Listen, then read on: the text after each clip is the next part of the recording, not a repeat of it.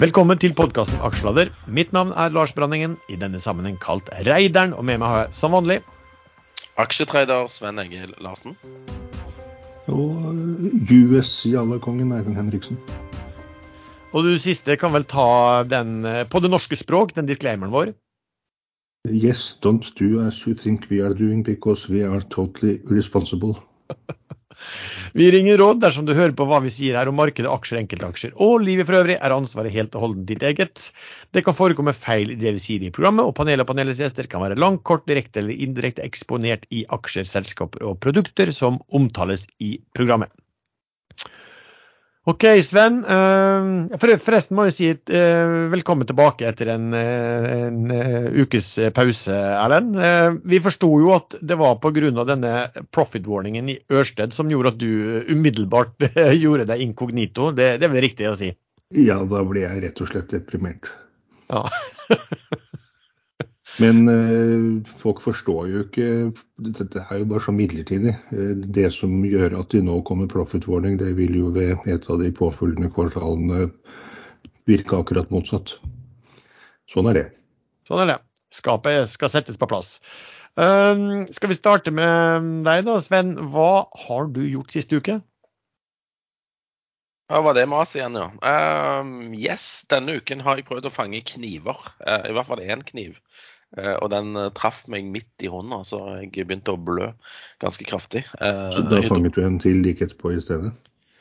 Nei, etter jeg ble så skada, så tok jeg tapet. Men jeg er inne igjen nå, med mer enn never before, liksom. Jeg snakker om Hyon, der det var kappløp mot, mot utgangsdøra. Både Nell og Saga Pure. Eh, ja. eh, denne lockupen som de hadde i forbindelse med IPO-en, utløp nå i januar. Så da var det rush for å komme seg fortest mulig ut av, av den aksjen. da. Så den gikk fra ca. 1,40 til eh, 0,70. Eh, og nå ligger den litt under, da, 0,68.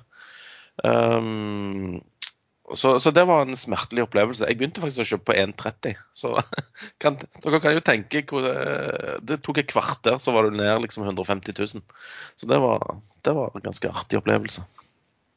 Men, ikke, men, ikke så, men, men altså, det, er ikke da, det er jo ikke så lett å trede seg bort fra den eh, heller. når det bare... Nei, når det ikke kommer rekyl i det hele tatt. Altså når det, når det er to selgere som da eh, konkurrerer med nærmest om å komme seg ut. Eh, men nå, nå var det vel Nell som starta dagen, eh, altså første dagen, så fortsatte Saga dag to. Ja. Så det gikk jo enorme volumer i den aksjen eh, til, til den å være. Skal vi se. Det lov å være litt konspiratorisk der når lockupen gikk ut på torsdag 19. Og så selger Nell 51 000 på fredag uten å bevege kursen noe særlig i det hele tatt. 51 000 var jo ingenting. Ja. Eh, Men på mandag da har tydeligvis Saga snappet opp dette her. For hadde de planlagt å selge rett etter lockupen, hadde de gjort det på fredag. Men de gjorde det ikke før mandag, og de må ha frontrunnet Nells planlagte salg. Fordi Nell fikk ikke mer enn rundt 0,70 i snitt på alle de aksjene, selv om det begynte på 1,40 på fredag. Ja. Nei, jeg, jeg vet ikke helt hva som skjedde der, men det var tydeligvis en konkurranse om å komme seg fortest mulig uh, ut. Vi kan, Eh, vi kan snakke om den litt senere. Ja, det gjør vi. Eh, ellers så har jeg uh, blitt jæklig bull på tank. Eh, så jeg har kjøpt masse aksjer i denne Hunt, Hunter Group. Eh, så de, Det går så bra med den butikken der at de skal dele ut eh, nesten hele aksjekursen i, i utbytte. Så det, det må jo være en pengemaskin, tenker jeg. Eh, og så har jeg Jeg har solgt denne Sadnessen, riggen. riggaksjen min, for den gikk opp mot 28, så da tenkte jeg kortsiktig så, så skal ikke den videre nå. Så nå er den nede, nede på 26 igjen. Eh, fortsatt bullish til den, da, men jeg er jo en trader i, av natur, så jeg tok, tok kortsiktig gevinst der. Hva annet jeg har gjort? Jeg solgte Norse, eh, Norse Atlantic. Aksjen der var oppe og toucha på emisjonskurs 250 og bitte litt over. Jeg solgte dessverre litt for tidlig på rundt 240 243, tror jeg jeg solgte de, de høyeste på. Så den ble ganske hyggelig. Synd jeg ikke hadde mer aksjer der. Eh, ellers har jeg trada Eh, hva mer jeg? Jo, prøvde meg på en trade i Explorer eh, når de fikk en kontrakt i Tyskland. Eh, men der var det masse selgere, og de selgerne visste hva de holdt på med. fordi i dag så kom det vel en guiding der som var litt slack, og det har sendt kursen ned til 9,70. Den var rundt 11,50 når jeg drev og prøvde meg der.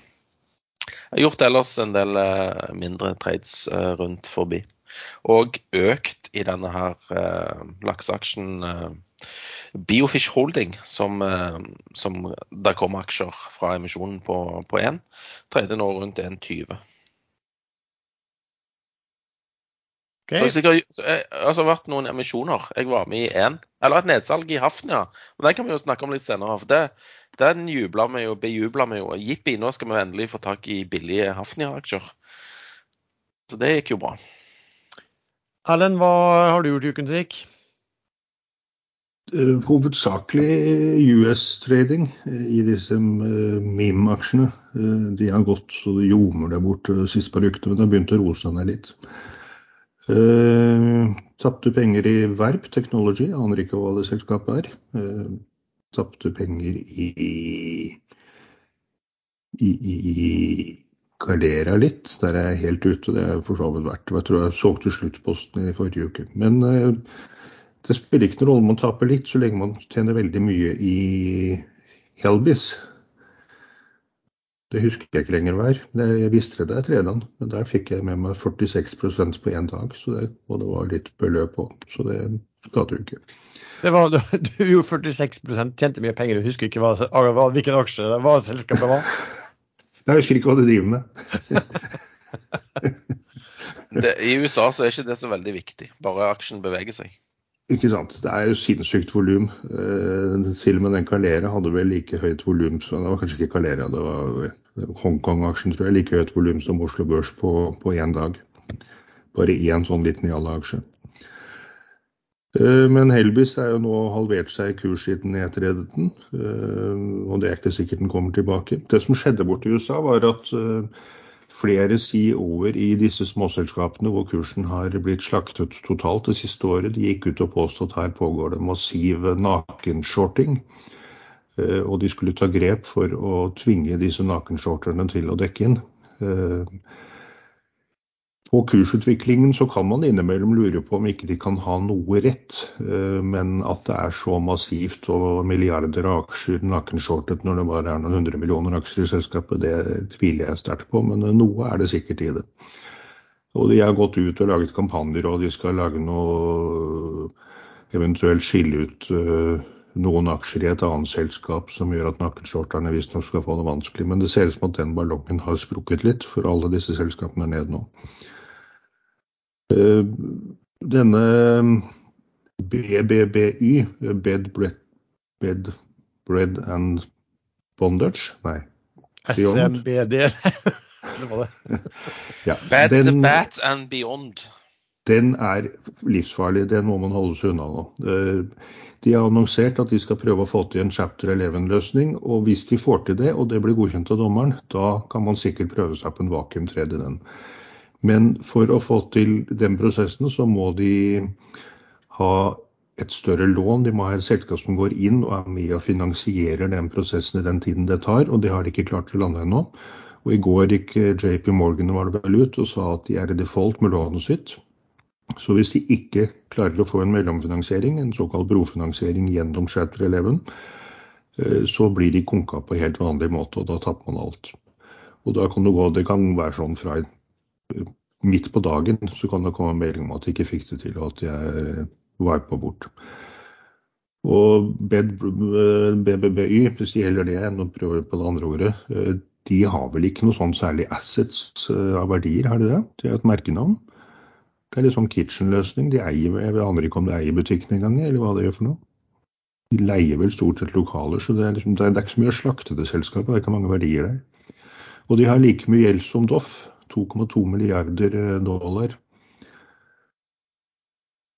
Og ingenting eller lite som backer opp den gjelden. Så jeg tror de er ferdig. Men går de chapter 11, så blir det vakuumforsøk. Ja. Okay. Jo, så har jeg uh, vært innom Hyon som, som Sven, men jeg var mye smartere enn deg, Sven. For jeg kjøpte ikke før på dag to, på tirsdag. Og da kjøpte, og da skjedde det ingenting rundt Open, så jeg gikk litt opp og kjøpte både på 0,75 og 0,72, og så kom raset. Så den hev jeg meg ut med nesten 20% tap før jeg oppdaget hva som skjedde. eh, Og har ikke rørt den etterpå. Og jeg kan ikke skjønne egentlig hvorfor ikke den skal falle under 0,50. Her er de to, to store potensielle eh, emisjonsdeltakere er ute av selskapet. Og Norwegian Hydrogen de sa vel litt sånn dårlig skjult i Finansavisen at de trodde at lockupen gikk, gikk ut på en senere dato. Så hvis de også forsvinner, da er det selskapet bare luft. Da er det, hvordan skal de hente penger da? Men akkurat nå er jeg inne i Det, det kan vi snakke om litt senere, for jeg er kjempefull på det caset der. eh, ja, det er interessant å høre hva du tenker, for jeg klarer ikke å se hvorfor du er bull der. Men jeg har kjøpt litt i Arribatec, selskapet til eh, som Spetalen eller Fordcliffe er storeier i. eh, Som har ligget i koma i et par år, og det har vært en offentlig krangel mellom gründer Per Ronny Stav, er det han heter, og Spetalen i pressen fordi Stav er sinna fordi ikke kursen kommer seg opp, og hvorfor de gjør så dårlige handler. Og Spetalen er sinna fordi han Stav har tradet den aksjen ganske rått de siste par årene. Men plutselig så kom det melding om at uh, han hadde fått øh, fritak fra lockupen sin, og noen hadde kjøpt halvparten av posten hans, og det mener jeg er en stor trigger.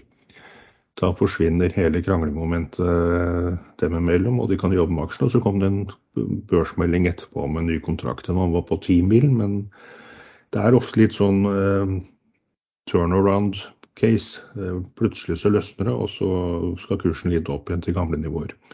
Så over 0,50 tror jeg i hvert fall er mulig. Jeg kjøpte den først på 0,41 ca., litt mer. Så det er foreløpig en ganske god trade. Du tror ikke han gamle sjefen er veldig godt innsatt han, altså han virker jo nesten, han har jo ligget og solgt i lang lang stund i det selskapet, der, og så fikk han nå solgt halvparten av aksjene sine. Det er vel ikke noe sånn åpenbart tegn det på en veldig turnaround. Jeg vil tippe at han har ganske gode kontakter inn i det selskapet fortsatt. Jo, men har han solgt noe etter emisjonen i april i fjor? Da fikk han vel lockup på de aksjene han hadde igjen, gjorde han ikke det? Nei, jeg tror han har ligget og solgt i lang stund, men uh, han hadde lockup på en del av aksjene, hvis jeg ikke husker riktig. Så har han jevnt og trutt ligget og solgt der i, i den aksjen i ja, lang, lang tid. Det er, eh, det er fullt mulig, men eh, gründere er alltid litt spesielle. Det har man se i hundrevis av selskap. Når en gründer liksom er ute av eh, drømmen sin, så er de allerede i hodet sitt i neste gründerdrøm. Ja, det er sant, og, og, og tror gjerne i tillegg at de som overtar er helt idioter. ikke sant? Det er gjerne sånn. Selvfølgelig. Ja. ja. Det er stort sett Jeg var innom Scan Scana eh, på veien opp. Kjøpt på 1,44 og trodde jeg traff spiret og solgte på 1,46. Så det var to år tjent, men den gikk jo til 1,78 rett etterpå, så da var jeg litt sur. Prøvde en tre til, og der tapte jeg det samme som jeg tjente på den første, så den gikk i null.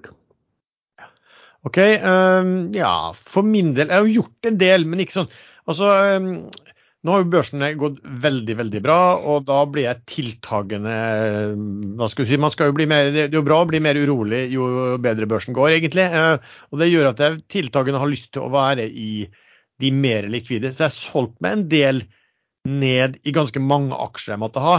Ikke sånn store beløp, men litt her og litt der. For, egentlig bare fordi at de pengene heller skal komme inn i, eh, i litt eh, mer likvide aksjer. Kommer det nedtur, så, så vet man at sitter du i ganske mye som er lite likvid, så ja, da er det jo Du har sikkert lyst til å selge, men du, du, du kommer deg ikke ut i det norske markedet sånn eh, i alle fall. Um, den jeg solgt meg helt ut av som jeg ikke hadde så mye igjen av, det er den der, det er Hudley. Eh, som, eh, og, og der kom det jo også melding nå at det er vel der også økonomidirektøren nå går av. Eh, rett etter at det kom melding om at eh, CEO-en går av. Eh, og det har jo ikke re- medført noe kursfall, så sånn sett var jo det greit. eh. Så, så eh, eh, ja, øk økonomi Hva var det du sa? Økonomidirektøren? Han går av, ja. Slutter. Og, Og, CEO-en. Hvorfor sa du Ja. ikke CFO-en og CEO-en, eller økonomidirektøren og administrerende direktør? Du Hvorfor mener du blande blande? norsk, eh, ja. norsk og engelske språket på en utilbørlig måte? Jeg er vondt i ørene mine å høre på. Ja, men det er trist, det, da. Um, ellers så um, Ja, Prosef har jeg faktisk solgt meg ut av. Eh, Egentlig ikke noe mer enn at jeg syns den var legga veldig i forhold til de eh, andre innenfor uh, offshore. Det kan være en grunn til å holde på, ja, men, men der er det kanskje litt lenger frem til du får se bedring i resultater heller enn uh, hva du får se um, hos de andre. Og ja, og så kan jeg nevne en da, som har så jeg tenkte når, når- Sven sa det, så tenkte jeg også du, min venn Brutus, Um, som også kjøper uh, Hunter Group. Nå. Ja, men det, der, er det nok, der er det nok aksjer til alle, tror jeg. Ja, det Det er bare å ringe Faen. Uh, nei. Oh, ja. Nå trodde jeg jeg hadde gjort en, en, en, uh, Ja, hva det heter for noe? Ja, glem det. Jeg tror jeg hadde gjort en feil, men det hadde jeg ikke gjort. Yes. Eh, nei, det er nok det. Det bare ringer sunt. De hadde vel 12 millioner aksjer igjen, og det virker som de vil ut før utbytte. Eh, og det kan jo være andre også. Du vet, eh, Det kan fort være kanskje noen utenlandske nominis og alt det her. Om du har et eller annet med utbytte, jeg vet ikke hva du har noen skatter eller et eller annet sånt som gjør at de kan finne på å selge eh, i forkant der. Men eh, det også. OK, eh, det har jo da skjedd litt på eh, emisjon og nedsalgsfronten eh, i uken som gikk. Sven, få høre. Ja, de, de har du skrevet ned, for det vet jeg du har gjort. Men vi kan ta første nedsalget i Hafnia fra Oak Tree Capital, som var venta. De solgte vel halvparten av de aksjene de hadde igjen. Og det ble gjort på fast pris, altså det var ikke en bookbuilding, det var fast kurs 50 kroner. Eh, det ga vel en rabatt på rundt 4% var det det? Ja, det noe sånt. omsatt? Ja. Um, jeg var med der. Jeg tenkte jippi, nå skal jeg endelig få komme meg inn i denne Hafnia-drømmen som du snakker så varmt om eh, i annenhver episode. Altså, det spørs om du er inne eller ute, liksom.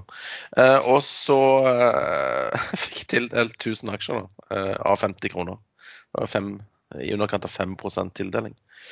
De røk ut på 50,70, og etter gebyrer og sånn satt jeg vel igjen med en 500-lapp.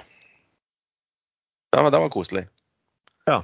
Du ble sittende med dine 1000, eller har du Du kunne jo øke på, 40, eh, på litt under, Altså, det, det rare her er med den at um, jeg har jo vel sagt eh, De gangene jeg har vært ute av den, så har jeg egentlig vært, vært sur og håpa på det kom nedsalg, så jeg skulle komme meg inn igjen. For det har jo vært en av mine store vinnere de siste, siste året. Um, og så skjedde det også denne gangen. Da Da måtte jeg bare le. Nå kommer det og tenkte at nå blir det 10% rabatt, og dette er jo supert. Og så ble det jo bare noen hva var det, 3% rabatt eller et eller annet sånt på siste eh, omsatt. Og det var jo ikke noe sånn særlig.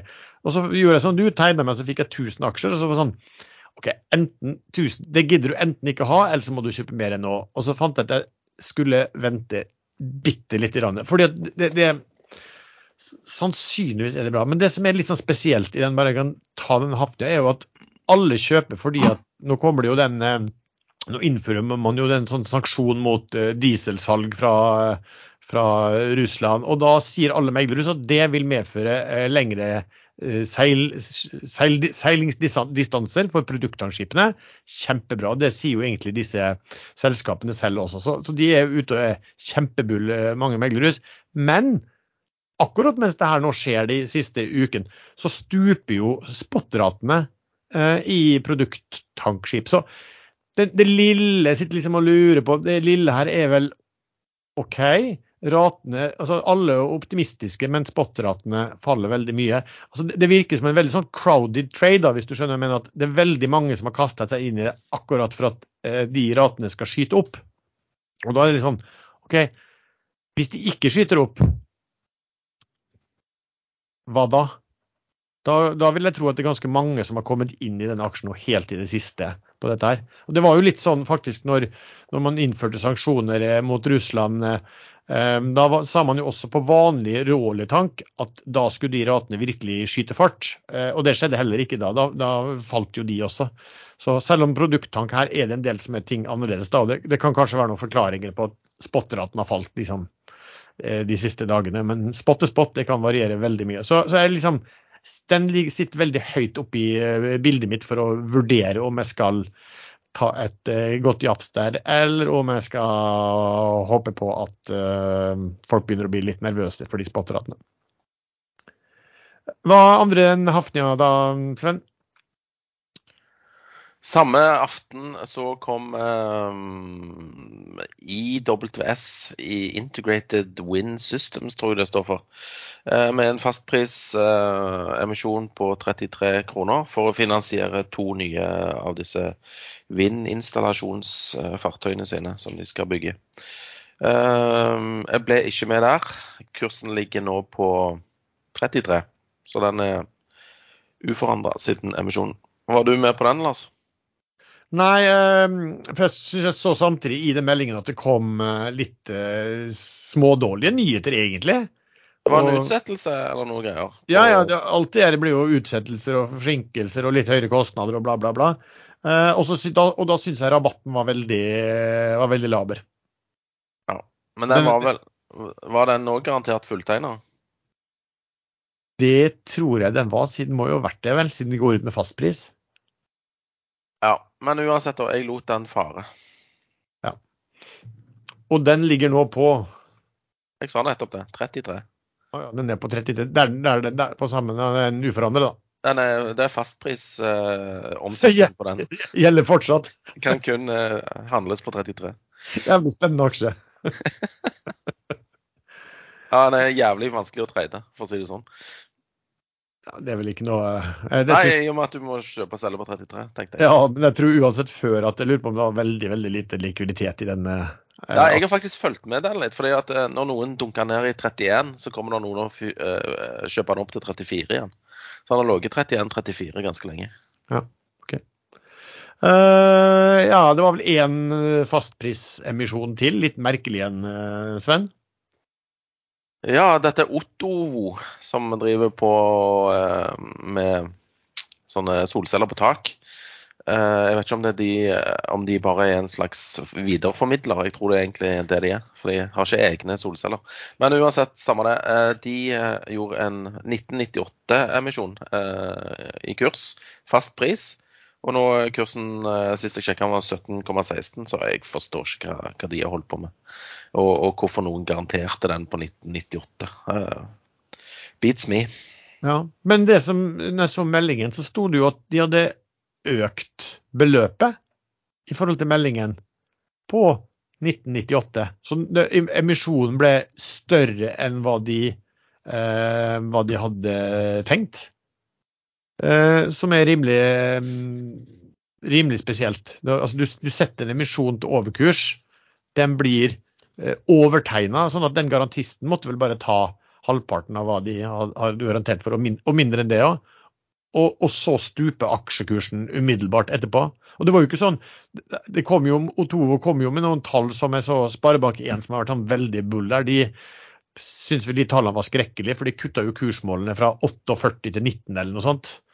Eh, og, og, kursen falt jo da dagen etter emisjon, så det virker rart. Altså, bad news, du setter en emisjon høyere enn eh, børskurs. Den, blir overtegna, og så detter kursen bare blakk ned.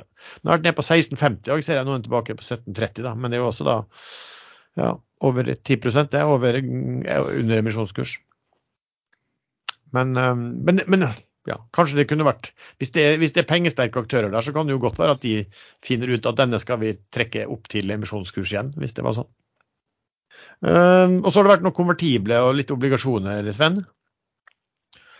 Ja, eh, Borr eh, Drilling trenger å refinansiere eksisterende obligasjonslån, så de har eh, henta en konvertibel på 250 millioner dollar og eh, en senior secured eh, med pant i, i rigger eh, på 150 millioner dollar.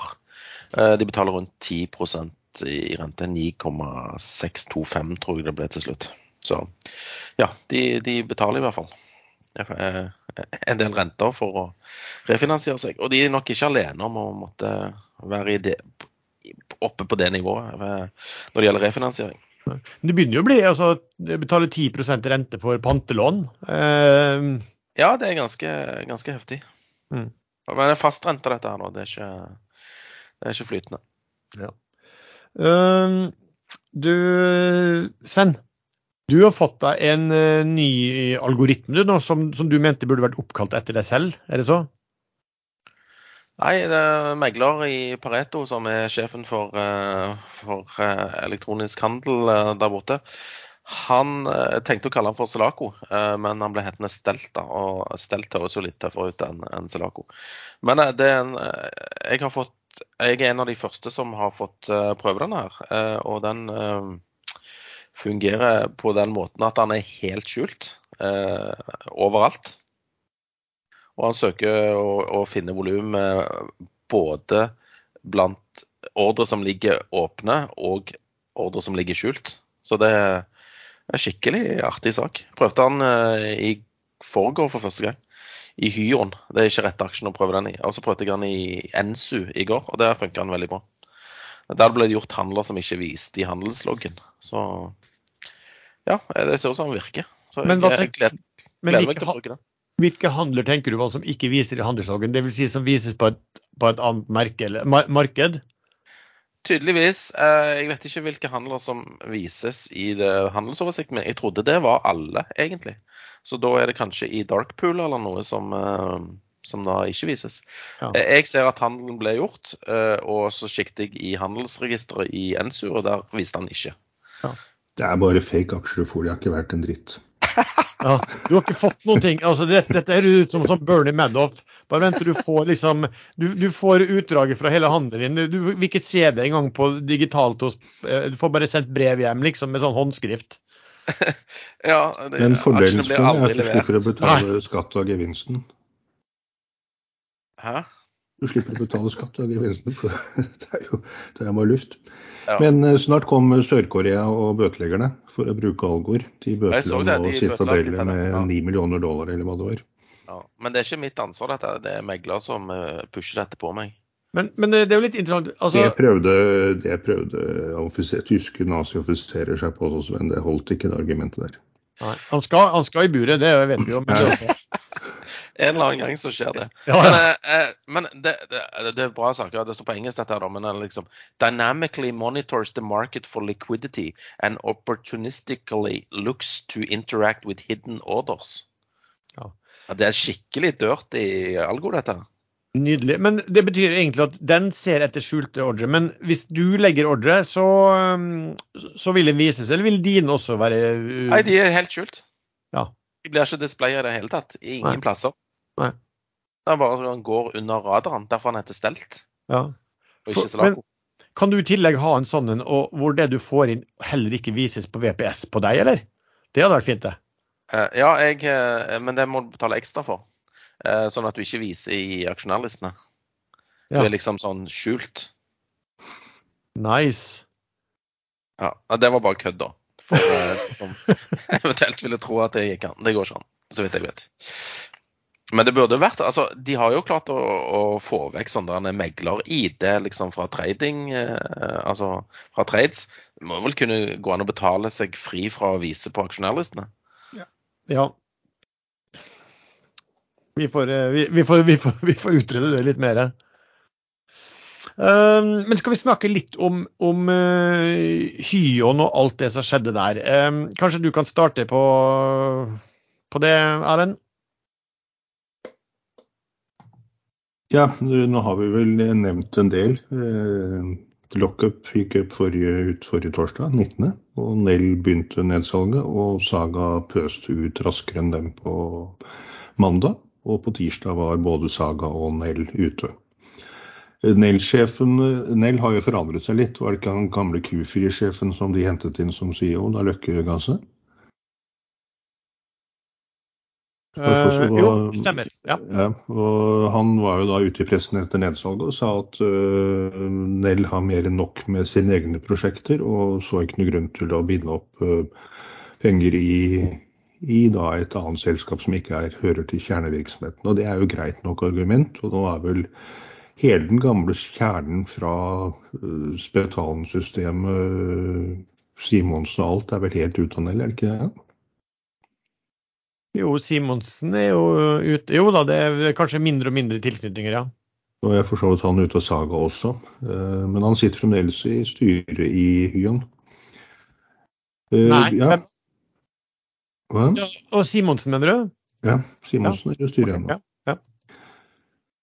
Så ting skjer. Eh, man kan jo spørre seg om eh, hva som skal hvem som skal være med på finansieringen som de helt garantert kommer til å trenge. Eh, De kan selvfølgelig få noe støtte i neste Enova-runde. De fikk ingenting forrige gang, og det tror jeg var en liten strek i regningen. Så ting tar tid med disse hydrogenprosjektene, selv om eh, det ikke er noe tvil om at det satses tungt på hydrogen både i Norge og i Europa, og i, også i USA nå. Så, så det er en framtid i det. Det er bare det å plukke riktig selskap som er det vanskelige. Hva tenker du om måten det blir solgt på, Sven? Nei, det var en ufin måte. Så og så skulle ta imot, liksom. Vi, vi, vi klarte jo ikke det så godt. Eh, eller vi klarte å ta imot, men vi klarte ikke å ta imot eh, på bunn, eh, som egentlig er målet med å ta imot. Eh, tok imot mye dritt på veien. Eh, så nei, jeg likte ikke den måten der. Men eh, en veldig rar måte egentlig å selge på, da. Men eh, har du ikke troen lenger, så har du ikke troen lenger. Men når det er sagt, så, så meldte jo de en sånn eh, letter of eh, intent noen dager før med sånn cruiserederi om fylling av hydrogen og et eller annet. Eh, og så bang smokk rett i dass. Altså, tro, men det, vi husker jo alle hva, hvordan Saga solgte ut i Bergen Carbon Solutions. Det var jo en ganske brutal måte å selge på. og sånn I ettertid så har i og for seg kursen bare falt, falt videre. men det også. Eh, og hvis Nell da skulle ut, da er det vel kanskje sånn at de eh, har det redd for hva Saga gjør, altså funnet at de skal selge på samme brutale måte. Ja, De har jo snakket litt sammen, disse her eh, folkene i Nell og, og Saga, og eh, litt av de samme menneskene som suttet i posisjoner. Så ja, eh, det var en kamp mot eh, utgangsdøren, som jeg sa tidligere. Men et lite spørsmål da. Er, er, er dere sikre på at det har vært en kamp, og ikke en samordning mot eh, Fordi at det er jo mye av de folkene som har kjent og hatt kontakt med hverandre godt, og de, og de begynner å selge ja, samme dag. Og de Det er var det de ikke gjorde. De begynte på fredag. Eh, Jo, men de solgte, ja da, de solgte 50 000, da. Men jeg så bare at de solgte jo altså Det var ikke noen veldig stort Jeg tror det var skilte én million i hvor mye de solgte på den første dagen det ble dump. Så de solgte ganske jevnt da også. Så jeg satt bare og tenkte på OK, men jeg vet ikke, det er vel kanskje ikke lov å samordne litt hvordan man selger, eller gi, gi det til felles megler som sitter og Det så man jo i Koa, at uh, fred, Fredelig-hospitalen ble solgt ut da, jevnt hele veien ned av samme megler. Så hvis ikke det er lov, så, så ville vel det kanskje blitt tatt tak i av Ja. rett instans. Ja, for det, man skulle jo trodd at eh, altså det er tre store eiere her som alle eide 17,6% og lockupen gikk opp. Man skulle jo tro at eh, hvis du satt på den ene posisjonen, at du ville spørre de andre om de har lyst til å kjøpe din eierandel. Ja, og hvis eh, Nell har spurt Saga eller Saga har spurt Nell, så har jo de da signalisert til den andre parten at her kommer det aksjer ut på den eller andre måten. Ja, Nettopp. Så ja, hva som har skjedd der, hadde vært litt morsomt å, å eh, finne ut av. De fant i hvert fall ut samtidig, da. Men, det, var jo klart, det var jo rett etter at den eh, lockupen gikk ut. Så så jeg at han ekssjefen i, eh, i Nell, sånn, han Løkke, han eide jo aksjer privat, og han eh, solgte seg ut i siste, eller rett før den lockupen gikk ut. Så han, han, han hadde jo oversikten sikkert at den gikk ut, og, og kanskje også en oppfatning om hvor interessert eh, Nell eh, var nå. Det vil jeg tippe. Men i, i dag så er på et nettsted som heter hydrogen24.no, så er hovedoppslaget 'Det er ingen grunn til panikk', sier Hyon-sjef Lindtvedt. Eh, og det betyr vel at det er grunn til panikk? Ja. Eh, gjør det ikke? Det var pleier, pleier ikke det betyr det. Men det er jævlig drit, for jeg får ikke lest den artikkelen fordi at eh, den er bak betalingsmur, og det nettstedet skal ha kjempemye betalt for å bli abonnent. Så det gidder jeg ikke. Én krone for en måned? Nei, det er sånn at det er 15 000 eller et eller annet. Så det må være skikkelig saftig, den saken. Men- Så jeg, men- jeg har spurt i, i desperasjon om noen har innlogging eller kan uh, få tak i den artikkelen. Men uh, det er tydeligvis ikke så mange som abonnerer på det nettstedet. Ja, men du konkluderte jo bra da. Ingen grunn til panikk i headline. Da betyr at det er vill, panikk. Ja, jeg er jo bullish på aksjen, så jeg, jeg, håper jo og tror at det ikke er grunn til panikk. Men ja. jeg, jeg, av erfaring, når noen sier det, så Jeg har et konkret eksempel på akkurat det der. Jeg bodde i Tyskland, så midt på natten ble vi vekket av politisirener, ambulanser og masse bråk i den lille forstadsbyen jeg bodde i. Eh, og politiet kjørte rundt med høyttalere på bilen og sa et eller annet som vi ikke klarte å høre uten å lukke opp vinduet. Og da strømmet det svart røyk inn i hele leiligheten. Og det, det, det de sa var at man måtte holde seg inne og lukke vinduene fordi det var eh, røyk etter brann på en spesialavfallshaug. Sånn selvantente kabler, eh, kobber og masse dritt eh, med masse dioksin. Men det var ingen grunn til panikk. De visste ikke helt hva som hadde skjedd, men det var ingen grunn til panikk. Så det da. Og det, det var det faktisk. Du sitter jo her i dag, da. Ja, ja, men da måtte de grave bort en halvmeter av jordsmonnet på alle offentlige lekeplasser og sånn etterpå. Det var dypt forurensa. Men eh, jeg sitter her i dag, men jeg er tynn i håret og litt dårlig hukommelse og litt sånne ting. da. Trodde du skulle si tynn i håret og litt tjukkere andreplasser, men OK. Det visste jeg at det, det er en av dere to kom Ja, skal, det, det retter jeg jo også feis, liksom. Jeg skal ikke si en dritt, jeg. Ja, det måtte være Sven som sa det. Ja, det, du er for treig, Lars. Ja. Tjukken mener at alle andre er tjukke, er ikke det det heter? ja, tyven tror at alle stjeler også. Det er litt sånn her. Du, Sven, hva, har det skjedd noe på makrosiden i det siste som du har fått med deg? Jeg har ikke fått med meg noe. Jeg var en tur på fjellet i går. Der var det fint. Men uh, når det gjelder makro, så uh, Nei, kanskje du tar den, Lars. Jeg vet at du kan dette. Ja, men det, har, det kom en del tall i går. Um, ja, jeg, som sagt, jeg var på fjellet i går. Ja, og det var vel at eh, BNP i USA var sterk. Det var lave, an, mye lavere antall enn antatt som søkte, uh, meldte seg arbeidsledig. Um, var sånn durable goods, altså vareinngangen på sånne hva skal vi si, kapitalvarer, på en måte, den økte mye, mye mer kraftigere enn forventet. Så, så, det var jo litt sånn nesten skremmende bra, men så kom det også noen sånne PCE tall, altså slags inflasjonstall, som var egentlig inline. Så, så da ble jo det egentlig eh, Altså du liker egentlig ikke sterk makro nå, men hvis du kan kombinere det med at inflasjonen i hvert fall ikke eh, eller, eller, ikke kommer inn over eh, estimatet her, kommer inn bitte litt under, så er jo det egentlig godt nyhet. Det, altså hvis, du, hvis det kan skje. En god økonomi med fallende, eh, fallende rente. Um, men ellers altså det, Men det er også et spørsmål vi har fått her, da. Det er jo om uh, Det er om vi Hva vi tror om rentebanen.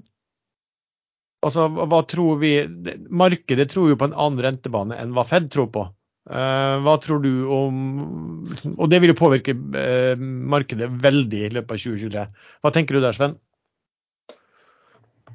Jeg tenker at uh, på kort sikt så vil Fed uh, kjøre på det de har uh, planlagt. men så kommer det til et visst punkt. Altså, hvis du ser I Norge så ventes det kun to rentehevinger til før vi liksom skal være ferdig. Og, og ligge der og cruise en stund før de eventuelt tenker på å sette ned. De vil jo se om ting virker først, ikke sant. Mens Fed skrur til skruen og kommer jo ikke med en trippel eh, renteheving neste gang, og kanskje ikke en dobbel heller, men en enkel på 0,25.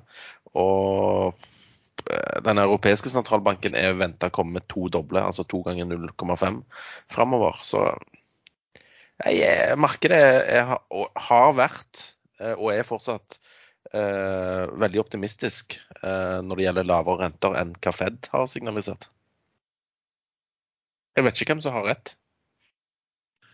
Nei, og hvem som har rett, det vil jo få stor påvirkning på, på aksjekursene. Ja, men jeg, jeg, har fått med meg at flere og flere sier at nei, det, det kan være at vi unngår resesjonen eh, totalt. Og, og, i Tyskland sa de vel at eh, ja, det ser ut som vi har unngått resesjon. Og det trodde vi jo ikke for eh, seks måneder siden.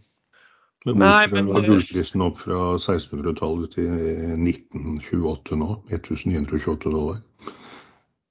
Nei, jeg, jeg vet ikke. Jeg så, altså det er jo ikke faktisk ikke mange ukene siden, for jeg så noen kommentarer bare fra Morgan Stanley og Goldman Sachs også, som tydeligvis nå var mer eh, optimistiske på særlig Goldman Sachs på, eh, på eurosonen. Og det er jo ikke mange ukene siden de nærmest fastslo at her vil det bli resesjon, og nå eh, de plutselig blitt mye mer optimistiske, da. Jeg tror det er veldig mye pga. energiprisen, og ikke minst gassprisen har falt såpass mye som de har. Og at eh, EU og Tyskland har signalisert at de har nok eh, gass, og gasslagrene er på komfortable nivåer. Det er jo, men jeg har ikke klart å sikre gassleveranser for neste vinter. Men jeg tror de klarer å få til det. Tyskland bygger jo masse sånne LNG-terminaler nå med disse høye LNG-båtene som skal være sånn eh, mottakerenheter for disse eh, LNG-leveransene. Så De skal vel ha elleve totalt ferdig, med enten Tyskland eller Europa, husker ikke. ja, de var raske å bygge, de òg. Så tysk effektivitet eh, på Ja. sitt beste. Men det har jeg faktisk sagt helt siden dette startet, at man må ikke undervurdere Tysklands evne til å løse kriser. Det er ingen som er så flinke på krise Jo, Israel. Israel og Tyskland er helt rå på krisemanagement. Men jeg, jeg, bare en liten sluttkommentar når det gjelder dette Hyon og, og greiene. Eh, har dere òg lagt merke til denne Hynion? Det, det begynner, den òg falt en del eh, på dette Hyon-greiene. Så De begynner jo å nærme seg sånn i kurs igjen. Altså, Det er jo umulig å skille de fordi at de skal liksom ligge på samme kurs. Nå er Hynion rundt 60 øre, og, og den andre gjøken er på 68 øre. Så det er græla irriterende. Ja, de har fulgt hverandre, det noe helt utrolig. og Ja. Hyn, du, har, du har sett liksom hyn, ja, du har ikke, skjønt hvem som var nesten ennå, vet du. Nei, nei. Men nå har jeg skjønt at det er Hyon er sånn båtgreier, og Hynion er sånn bilgreier. Nei, det er motsatt. Nei, nei. Faen, nå ble jeg litt usikker et lite sekund. da. Men for- forskjellen er Hynion har en haug med svenske aksjonærer. De opererer vel i Sverige og ikke Norge. Um, ja, vi snakka sist gang om litt Vi snakka mye om grunnrenteskatt. Uh, noen som har, og nå begynner jo politikerne komme med stadig med utspill her som, eh, som beveger kurser eh, umiddelbart. Uh, Erlend, har du lest opp på det, eller er det noe vi må overlate til Sven?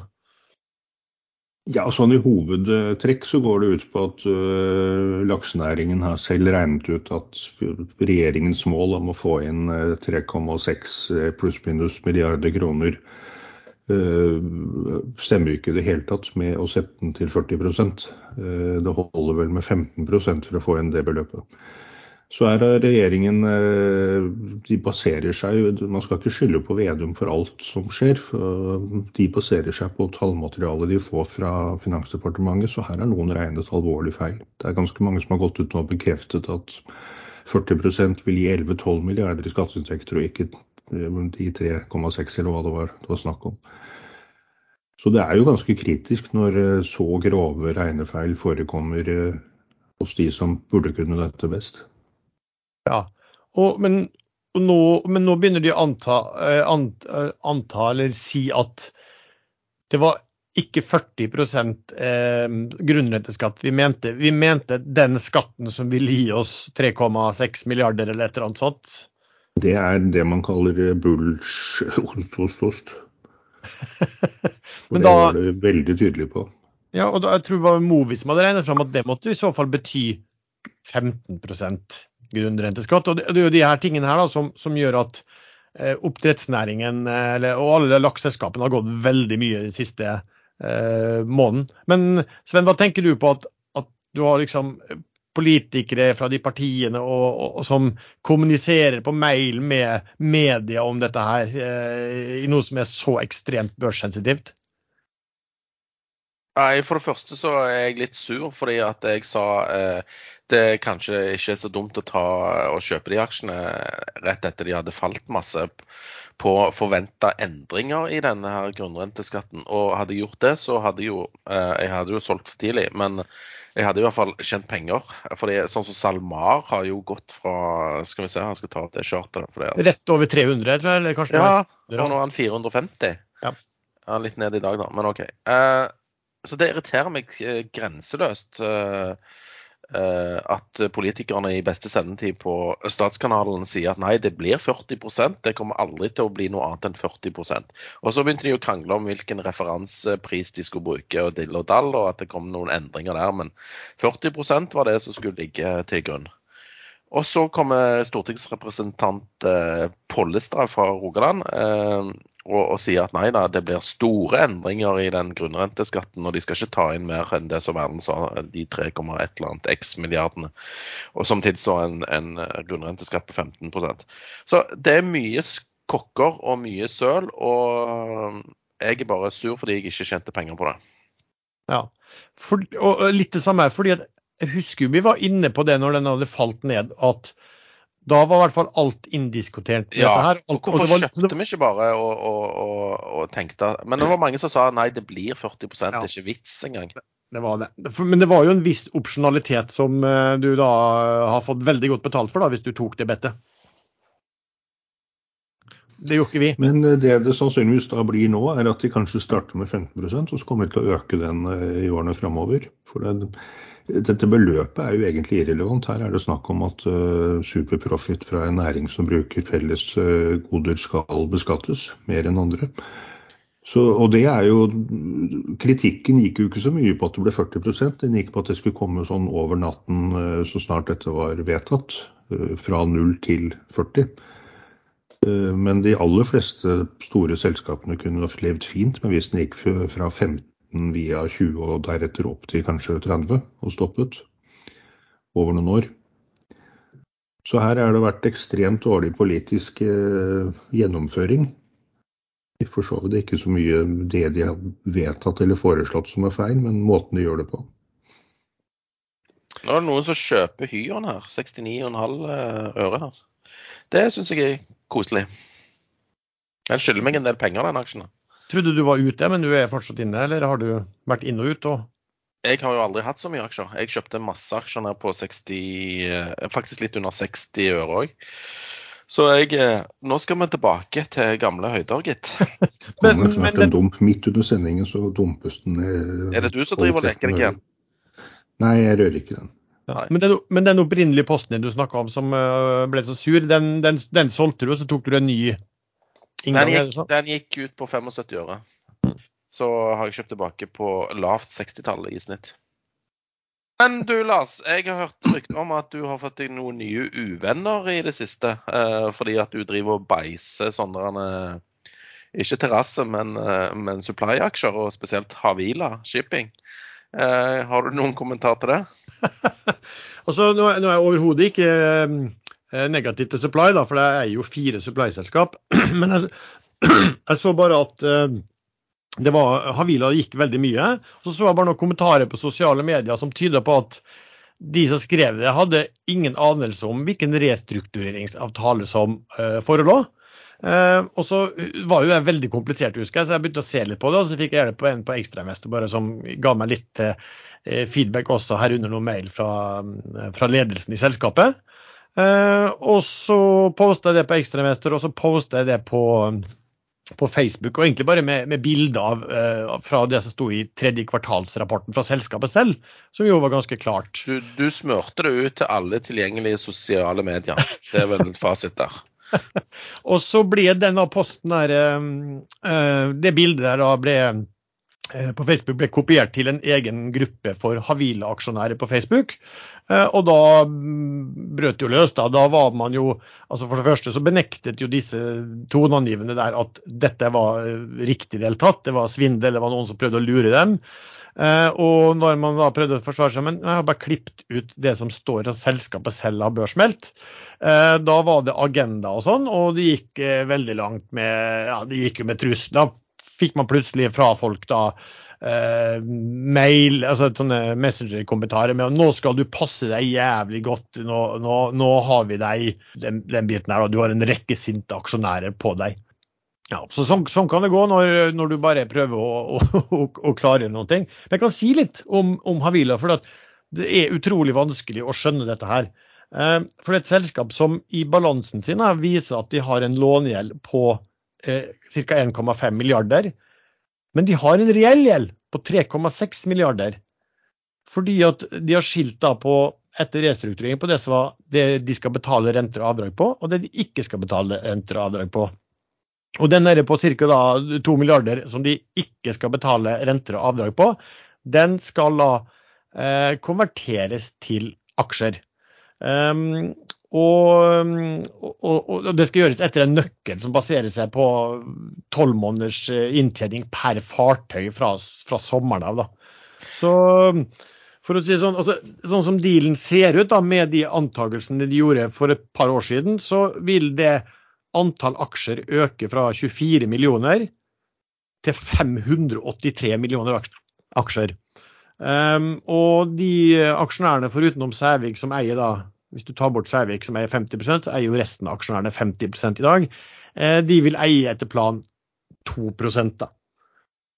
Ja, jeg, jeg, har faktisk satt meg litt inn i dette fordi at uh, Sævik eh, har òg et aksjonærlån på 100 millioner kroner som skal konverteres til, uh, til aksjer på samme kurs som uh, transje B i to obligasjonslån, Havi 04 og Havi 07, som er to forskjellige båter som det er pant i. Der, for en tid tilbake, så var inntjeningen på de fartøyene for dårlig til å kunne betale fullt avdrag og fulle renter. Sånn at eh, den biten eh, som skulle betales i renter og avdrag som de ikke hadde kontanter til, ble putta i en transje B som ikke er rentebærende, som skal konverteres til aksjer. Nå når disse båtene går på litt bedre rater og tjener mer penger, så vil jo de betale eh, både avdrag og renter i forhold til plan, og transje B da ikke vil bli eh, så veldig mye større pga. disse høyere eh, ratene. Så det, det, det, stemmer det du sier. Eh, og mm, jeg angrer litt på at jeg ikke kjøpte Havi 04 og Havi 07. Fordi at du kan jo konvertere de til var det 3,10 kroner per aksje, eh, og nå er aksjekursen 19. Så jeg tror det kunne vært en bra deal. Men jeg så kun på den rentebærende biten, og da var det ikke mye oppside. Men eh, nå er det en del oppside. Ja. For caset mitt er i hvert fall at hvis du, hvis du er fundamental på Havila, og ikke har satt deg inn i hva denne restruktureringsavtalen betyr Nå er en del av disse som drev den gruppen, de påsto at den ikke fantes engang. Da, da, er du ikke fundamental, da har du ikke gjort det helt elementære undersøkelsen av det selskapet. For, for som sagt, det kommer så mye penger inn og skal konverteres på 3,3 kroner. Og når kursen da lå tror jeg skrev der, så lå kursen på 24-25 eller noe sånt. og så ja, falt den vel noe den dagen. Da. De, nå jo steget veldig mye, da, så, men folk de må jo alltid finne noen ny unnskyldning på. Da var det min kommentar da, noen som, fikk, som var liksom unnskyldning for at den eh, aksjen falt mye. Så skal det sies da at det som er litt interessant der, er jo at du har da disse et par milliardene som skal, som skal konverteres til så og så mange aksjer. Eh, men så eh, skal det beregnes ut ifra en inntjening per fartøy nå fra, fra sommeren nå til neste sommer. Eh, men likevel så altså Uansett i sånn drømmescenario du kunne tenke deg, da, hvor man tjente så mye penger at man både kunne tjene det vanlige lånet som man ser i balansen, og de skjulte lånene på to milliarder, så så er det likevel en begrensning på hvor mye du, uh, du, du kan flytte over da, fra den hva skal si, transje B, da, som ikke er rentebærende, til rentebærende. Altså, Du kommer ikke ned på null som, uh, som du kan konvertere, som, uh, så, sånn at det ikke blir konvertert noen ting til nye aksjer. Nei, det, det, som, det som allerede er putta i transje B, blir konvertert. og Du kan ikke flytte det tilbake fra transje B til transje A igjen. Jo, du kan faktisk det. Kan du det? Ja. Ah, Men det er, altså det er, en del begrensninger på det. Både på hvor mye Altså EV-EBIT EV -EBIT per båt.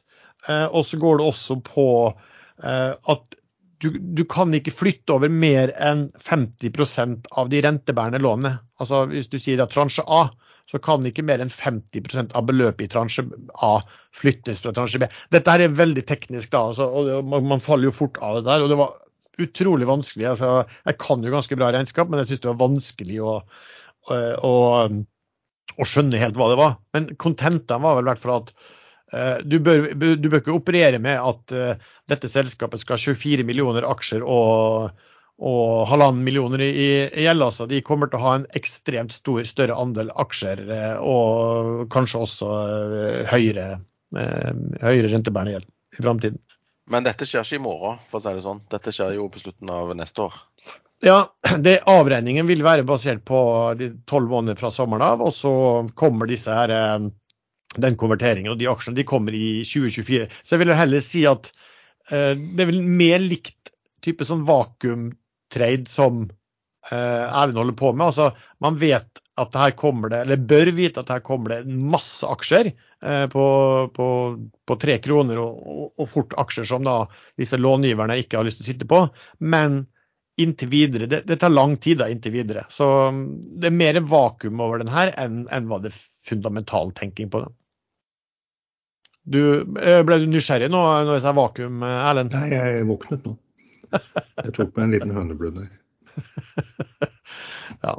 Så, så, men altså Slutt å sende sånne tåpelige Det kommer jo fra folk som også holdt på det samme da vi skrev noe og sa noe om Doff på, på Ekstravester, om at, om at man risikerte at kreditorene slo til der. Og da var det jo også på samme måte da var det ikke en måte hvor kriminell man var og man skulle anmeldes og man skulle passe seg litt og sånn. Og så ja, skjer det vanlige. Mens vi har snakka om, om eh, Havi, så tikka det akkurat inn en, en, eh, mail i mailboksen min her. Og det er dette her PSV-prosjektet eh, til Pareto Project Finance som vi snakket om var det forrige uke, eller for to uker siden? Nei, jeg tror det var forrige uke. Ja, forrige uke. Da, nå fikk jeg beskjed om at the book is closed. Uh, så det tok sin tid for ja. å få den dekka. Men uh, de fikk solgt den båten dyrt. Så det vitner jo om at det er appetitt for uh, supply, og små, til og med små PSV-er som opererer i Afrika. Ja. Og så, uh, Mens vi er inne på supply, da, så jeg sendte jo en SMS til um, min favorittskipsmegler uh, for å få noe oppdaterte supply-verdier på disse Energy Empress og, og hva den andre gjøken heter, uh, Duchess, som er geo Golden Shower sine to eh, nye båter. Uh, og så svarte han jo ikke, så tenkte jeg faen, har han daua, eller? Men så fikk jeg melding tilbake at han var i begravelse. Men det var altså ikke hans egen. det hadde vært spesielt. Ja, Men uh, uansett, da. For ti måneder siden så anslo de at hver båt hadde en verdi på 18-19 millioner dollar. Og nå ti måneder senere så opererer de med 23-24. Så det er jo ja, en fin prosentvis eh, økning i skipsverdier på store PSV-er. Mm. Og Nå kom jo um, Fern i dag med analyse på Standard Supply og på Tidewater, og der de snakket om at uh, fair pris på en stor PSV burde ligge rundt 25 millioner dollar nå sånn som de regner eh, Ja, og da er det ikke de så veldig langt Ja, Det spørs vel på eh, alderen òg, da. Ja. Nå er Duchess og Empress de er jo eh, 2014-modeller, tror jeg. Så de er relativt nye. Ellers kan jeg drive litt markedsføring for en kanal på mm, Ekstrainvestor som heter SupplyChat. Der er det folk som følger med veldig godt i markedet med nye slutninger og veldig gode betraktninger om Eh, om markedet også. Eh, for min egen del så lager jeg et sånn lite eh, regnestykke som ikke gjør seg i en podkast, men som kan lese der. Det var egentlig bare hva er selskapet priset på børs?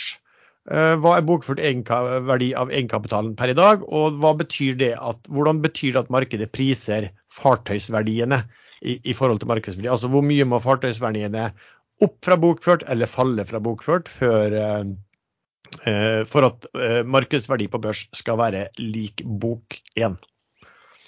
Så mm, det er bare å gå inn og, og, og lese i kanalen der. Vi har jo fått noen spørsmål som alltid fra, mm, fra lyttere. Skulle lese det, men det er jo gjerne lyttere. Uh, Jallakongen, er han fortsatt like interessert i Desert Control? er et spørsmål. Ja, ting tar tid. Helt åpenbart. Kursen ligger jo og vaker langt nede. Men jeg følger med sånn innimellom og håper at du kommer en god melding der. Jeg har litt sansen for det selskapet. Men nå er kursen på 1540, og for ett år siden var den på en god del mer. På 30, så den har halvert seg. Så det, det, er jo det folk har skjønt etter hvert. og Alle de nye selskapene som poppet opp, de kommer gjerne på børs for tidlig, og ting tar tid. Så, men konseptet har jeg sansen for. Håper de får det til. Eh, også alltid litt sånn spørsmål om, eh, fra, til Språkrådet. Eh, hva betyr eh, en bjørnetjeneste? Ja, Han som har stilt det spørsmålet, heter jo Bjørn Bjørn Olav, så det tror jeg er eh, Han, han er ute og fisker etter et eller annet, så det gidder jeg ikke å svare på. En tjeneste levert av bjørn, det du mener? Ja, Hvis du har en flue på nesen og en snill bjørn kommer forbi for å uh, drepe fluen for deg, så vet man, skjønner man hva en bjørntjeneste er. Nå er hyen oppe i 71 øre. Nei, nå er det 69. Ja. OK. Ja. Eh, og da var det eh, noen som også ville eh, i Språkrådet at vi skulle høre, snakke om hva, hva var svin på skogen. Ja, det vet eh, jeg. Hva er forslaget, hvilke forslag har dere? Å ha svin på skogen? Nei, eh, jeg regner med at du vet det. Ja, jeg vet det. Du har gjemt unna noe bacon så ingen andre får tak i. Det er vel en som spør om det, om, om det er bedre med purke i senga enn svin på skogen? Ja, jeg ble ikke overrasket over å se den, det forslaget fra Rune. Men eh, det kommer fra i gamle dager hvor, eh, hvor ikke, man ikke leverte selvangivelse, men hvor myndighetene sendte folk ut på gårdene for å telle opp antall dyr og alt annet de hadde av verdier som ga skattegrunnlaget. Og da var det alltid noen smarte bønder som gjemte svinene sine i skogen. Og da var det alltid sånt som er typisk i Norge, noen naboer som sladra og sa at uh, han bonden der har svinn på skogen. Så da vet dere det.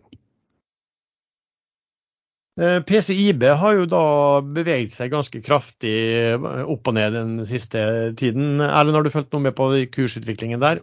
Hva som kan ligge bak?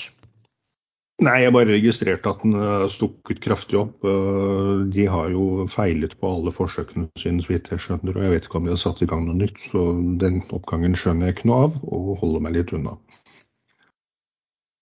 For den, den, gikk jo voldsomt. Vi kan vel vi nevnte den i forrige uke også, for den gikk jo voldsomt. Eh, var vel på 1,80 i starten eh, av forrige uke. og Så gikk den jo opp til over fire, og så hadde den, ja, falt den ganske langt ned på totallet. Og så opp igjen på nesten fire, og den er vel på ja, 3,10 i øyeblikket nå. Så det er litt vanskelig hva som ligger bak. Men eh, E24 kommer med noen ting der, gjorde det ikke det?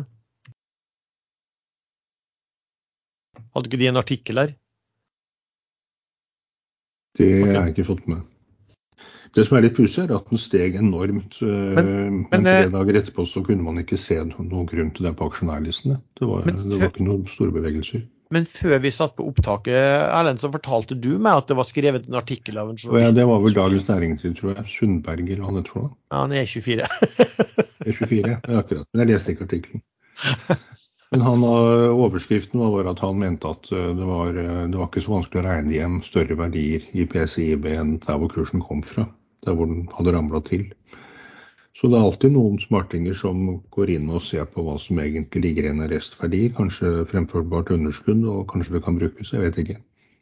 Nei, men fremfor, nå har ikke jeg sett det, men fremfor underskudd er jo Du har jo en teknisk verdi, da, og så har du en hva, en hva en reell verdi, eller hva du kan få betalt for det i en, eh, i en transaksjon. Nå vet jeg ikke om han prøvde å sette noe verdi på, på bio, si, bioteknologien i, i, selskapet. Og hvis jeg er litt slem, så tviler jeg vel på at, at uh, journalister uten spesialkompetanse på det feltet kan klare det. For jeg har ikke sett så mange andre som har klart å sette noen verdi på det.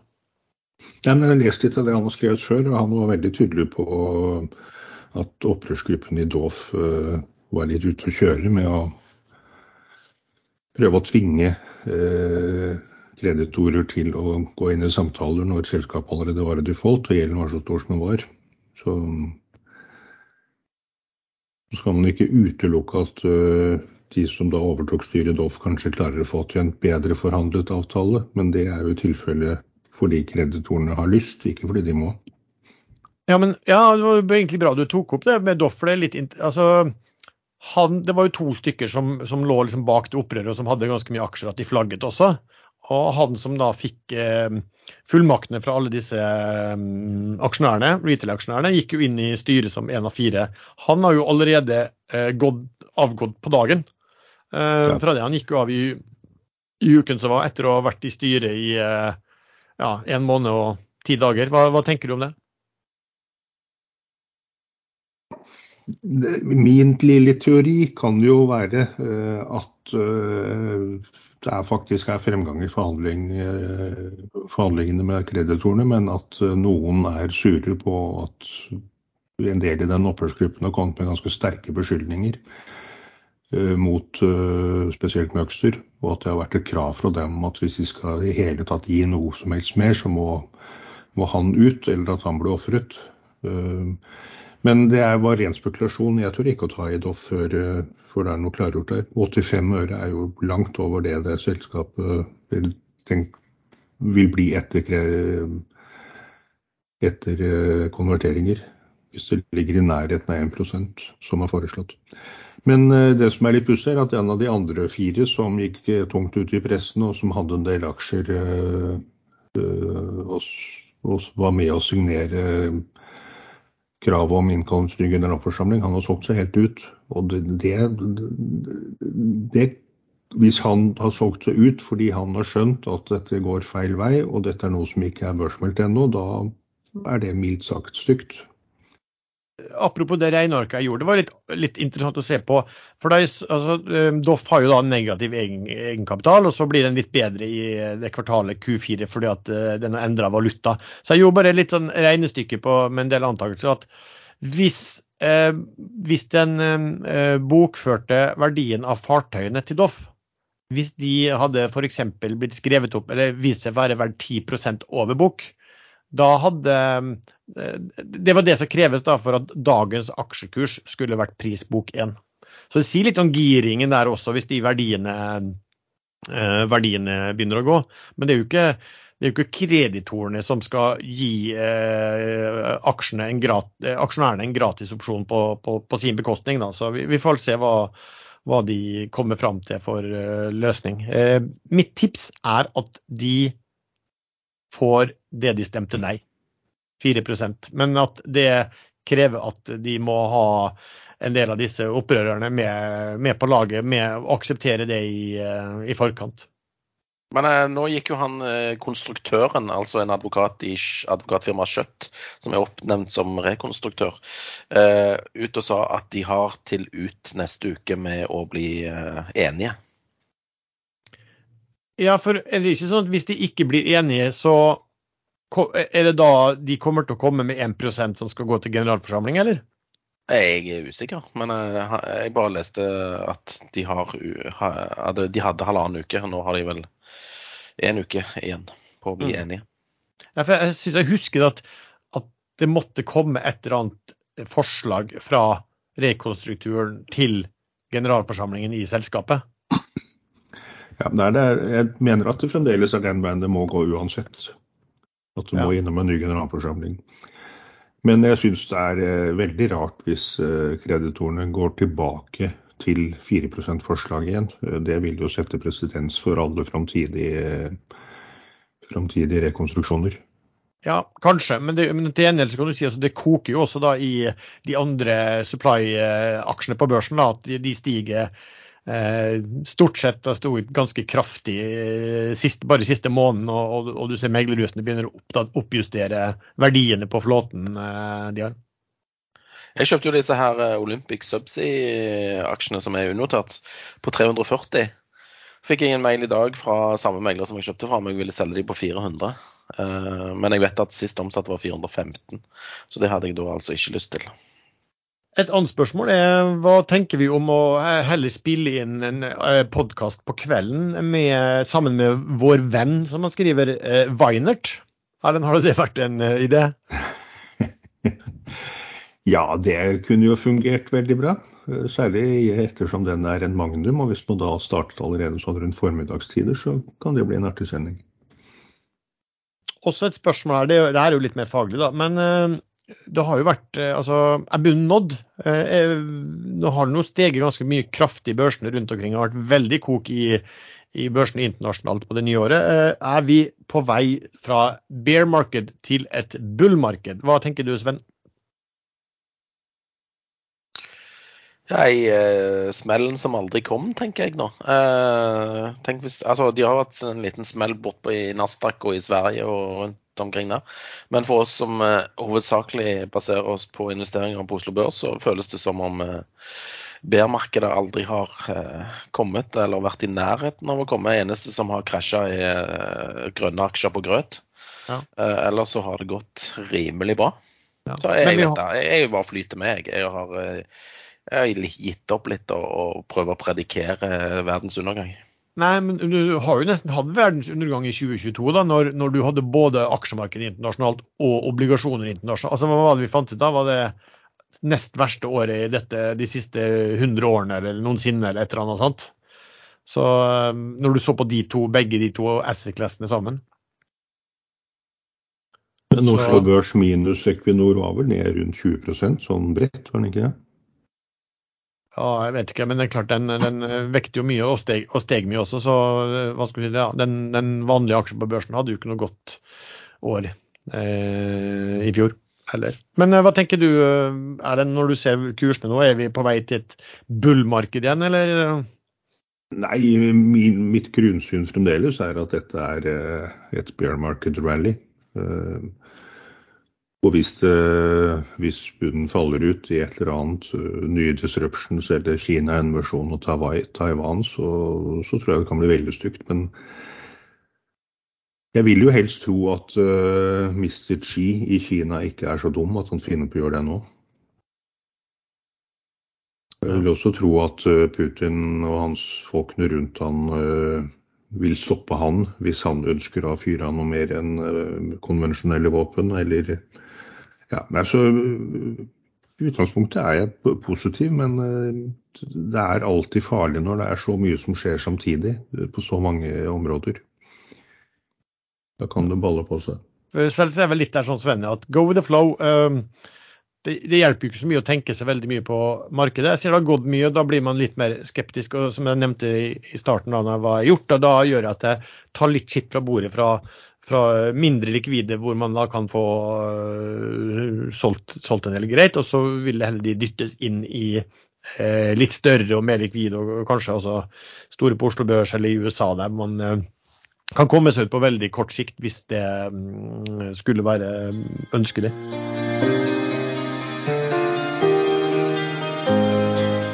Aksjesladder sponses av IG, tradingmegleren som tilbyr en tradingplattform for deg som vil handle med giring.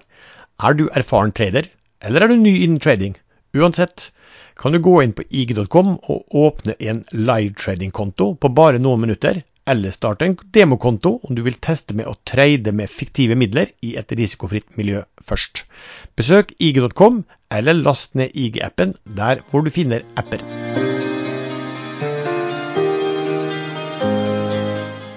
Ok, eh, er det noe annet dere har lyst til å snakke om, eller skal vi kaste oss over på eh, ukens favoritter?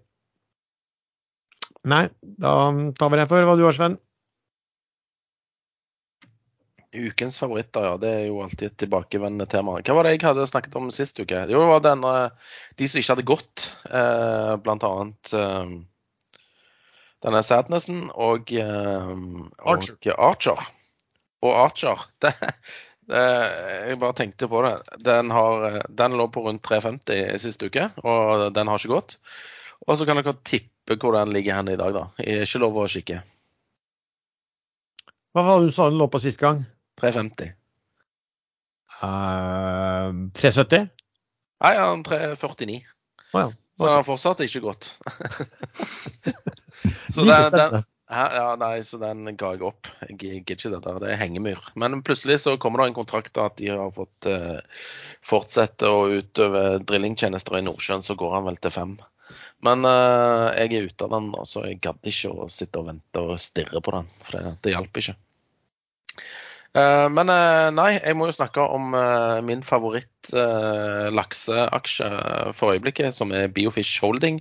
De fleste har sikkert trodd at jeg har tatt en kortsiktig gevinst der på Kan jo selge den på 1,19,5 nå, men eh, nei, jeg har faktisk økt. Eh, kjøpt aksjer på 1,15. og var Dessverre ikke tilgjengelig når det ble solgt på 1,10. Eh, men jeg likte den nye eh, aksjonærlisten og at gründerne i stor grad er blitt vanna ut, mens det er kommet inn industrielle aktører på den listen. Eh, og min tidligere eh, obligasjonsmegler i Fearnley eh, har nå blitt selvstendig investor og forvalter for noen andre. Han var oppe og kikket på anlegget her for et par dager siden og tok noen bilder og sendte, og jeg ble kjempebull når jeg fikk bilder av disse gladlaksene som svømmer rundt i, i vannet der oppe.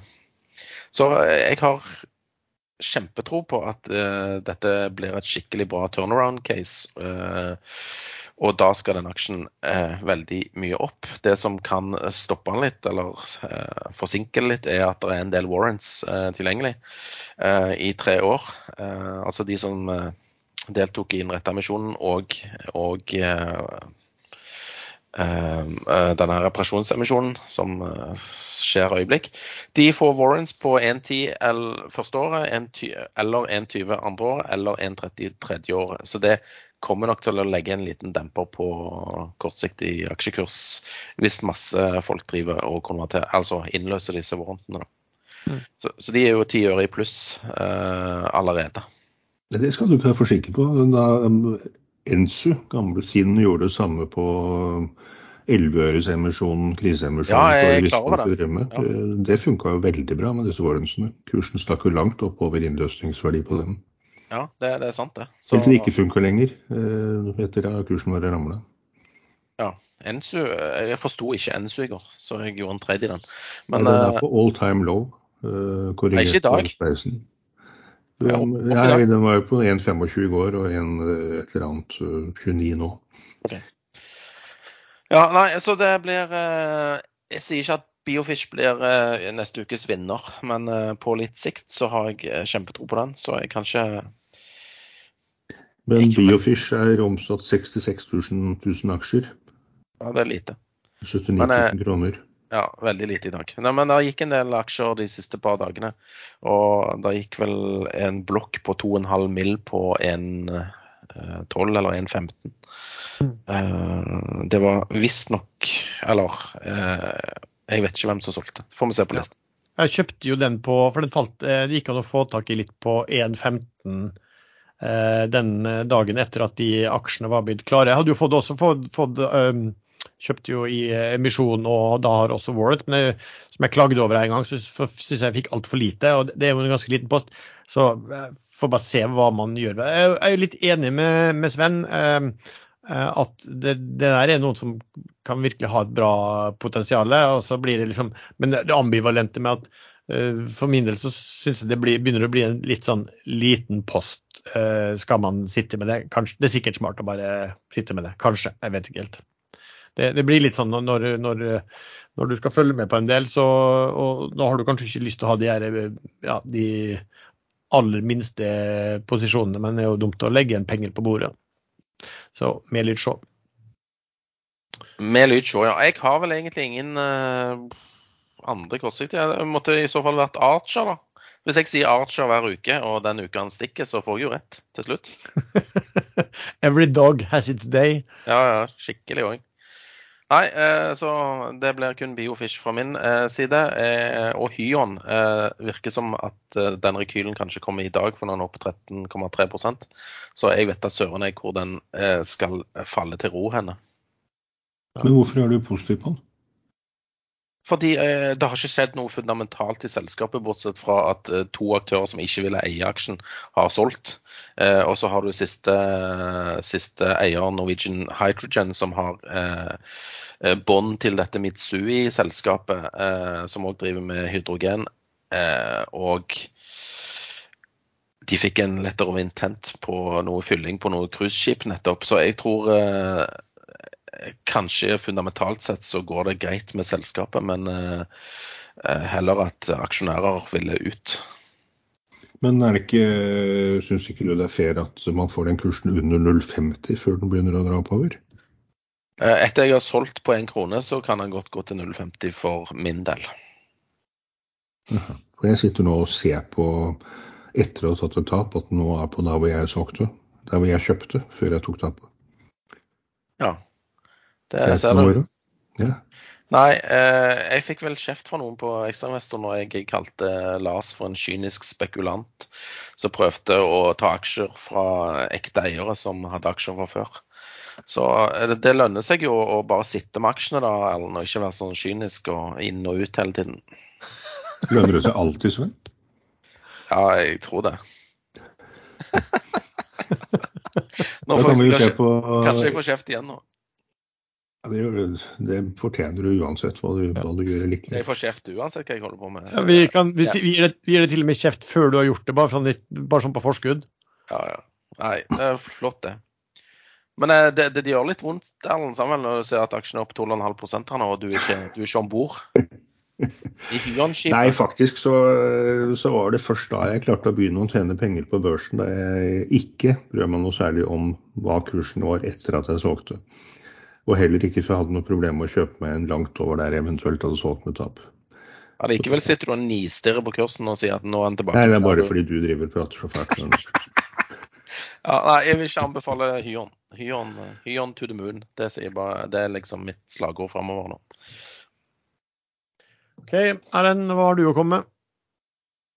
Kort kommentar om En- Ensus, som jeg ikke har som favoritt, fordi den faller og faller. Det er en eh, fallende kniv. De lovte volumordre på disse mikrobatteriene sine eh, før nyttår. Eh, Da kom det en fisleordre på 150 000 batterier. Det er ingenting. Så nå faller den. Men det er ikke nødvendigvis dårlige nyheter, eller at noen vet at ikke dette blir bra, eller sånn som gjør at en sånn aksje faller. Jeg så i DNB så har de 40% belåningsgrad på Ensu, noe som er helt vilt i seg selv. Det er, det er sånn hva kaller man binært case. Enten får du det til, eller så får du det ikke til. Eh, Så 40% belåningsgrad. Så de som eh, hadde snitt på fire kroner, de eh, var allerede i tvangssalgmodus eller situasjon eh, på en kurs 1,60. Men det er ikke mer enn et år siden den kursen lå på over seks kroner.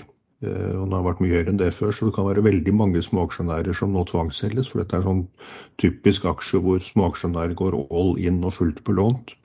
Og da ryker de ut. Og da blir det en sånn nedadgående kursspiral til det plutselig snur opp. Så jeg følger litt med på den, bare for å se hva som eh, skjer. Men jeg kjøper den ikke nå. Men eh, jo, eh, Aribatek, eh, Spetalen-selskapet kan man vel kalle det, fordi han eier rundt 25 eh, Der hvor det da ble solgt en post på 3,65% halvparten av hans posten til Stav.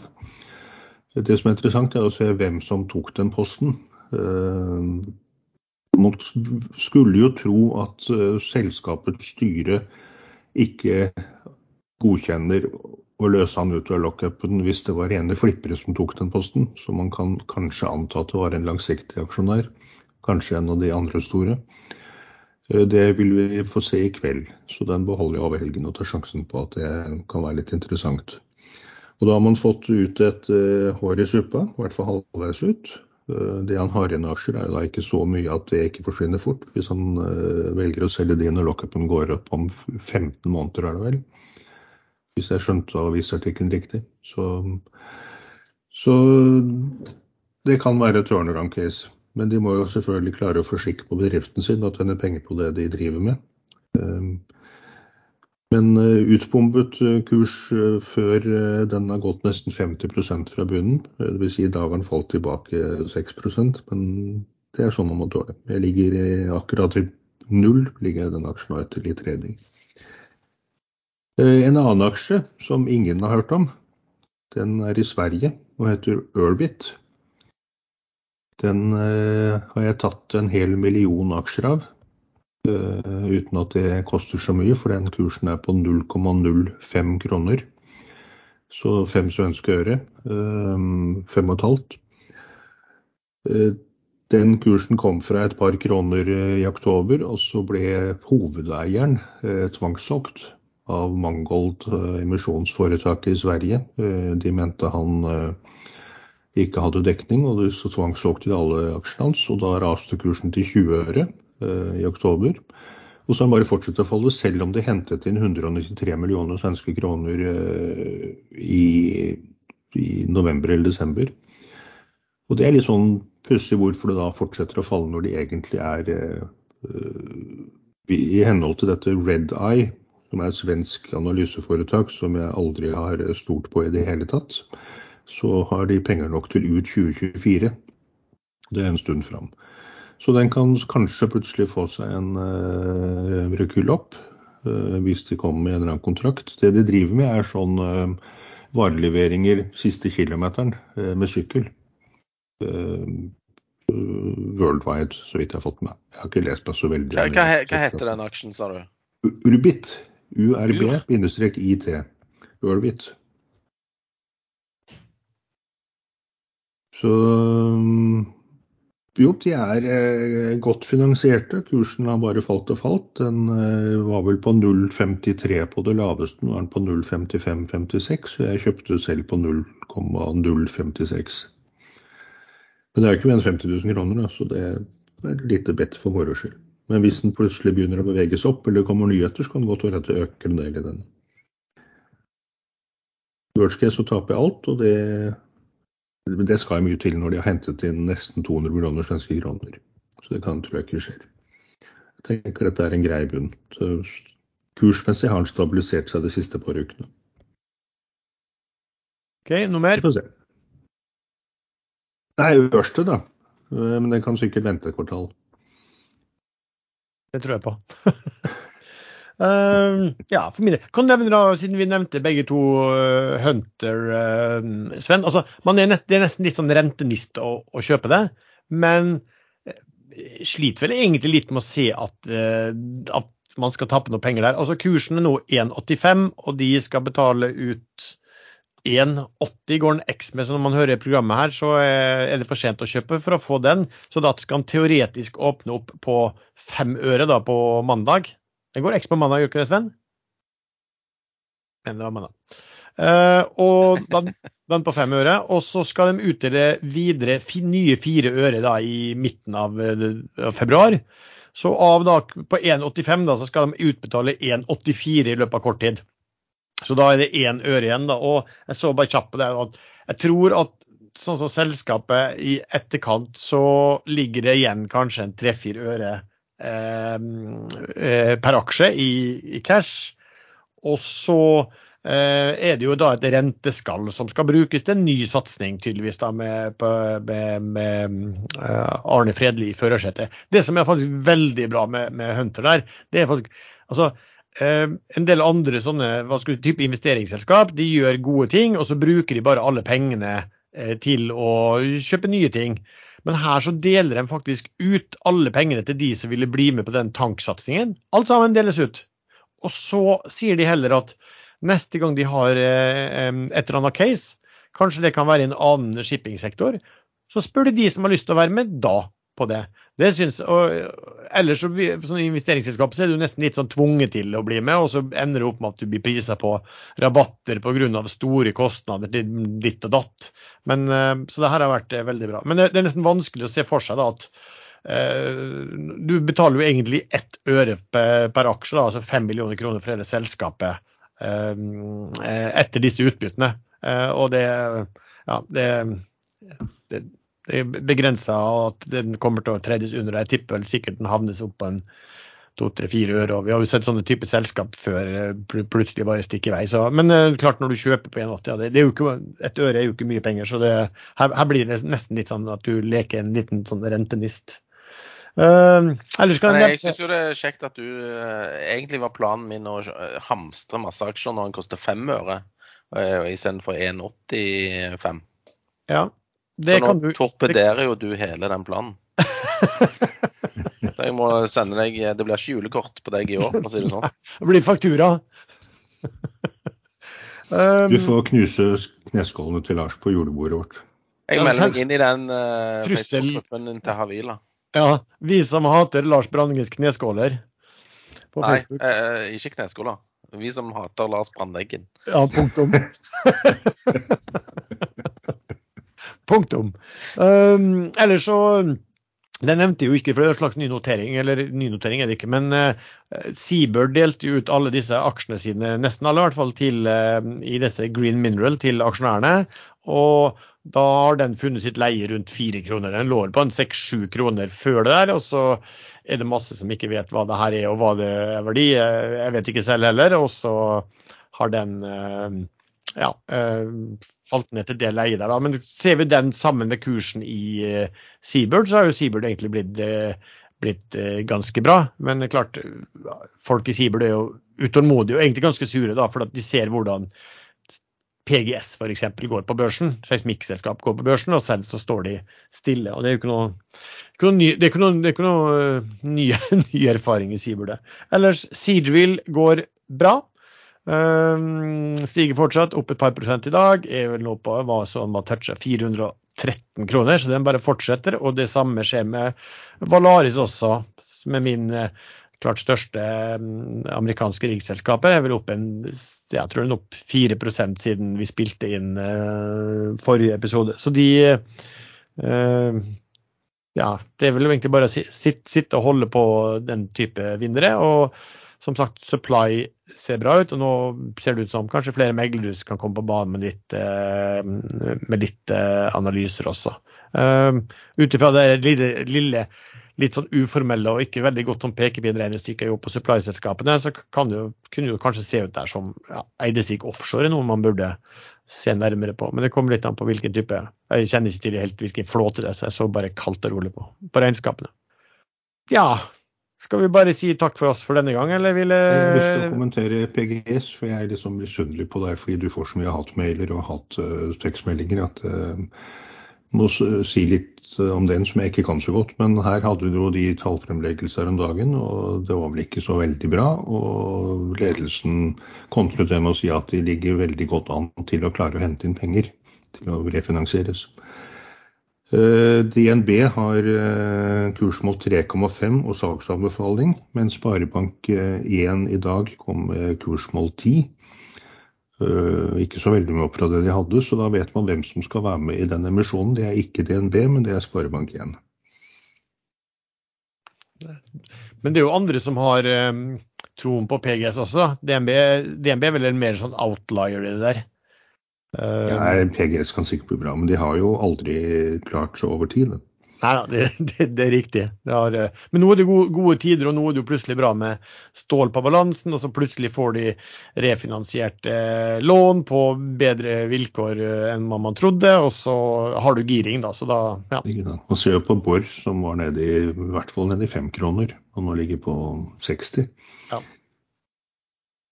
Nå har vel ikke de helt klart å bli kvitt problemet ennå, selv med en eller annen uh, meglerpost og det er en oppdatering. Men uh, de har jo løst det langt på vei.